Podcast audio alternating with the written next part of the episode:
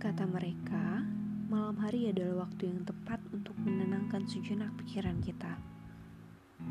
Namun, kenyataannya malam hari adalah waktu yang sangat mengganggu.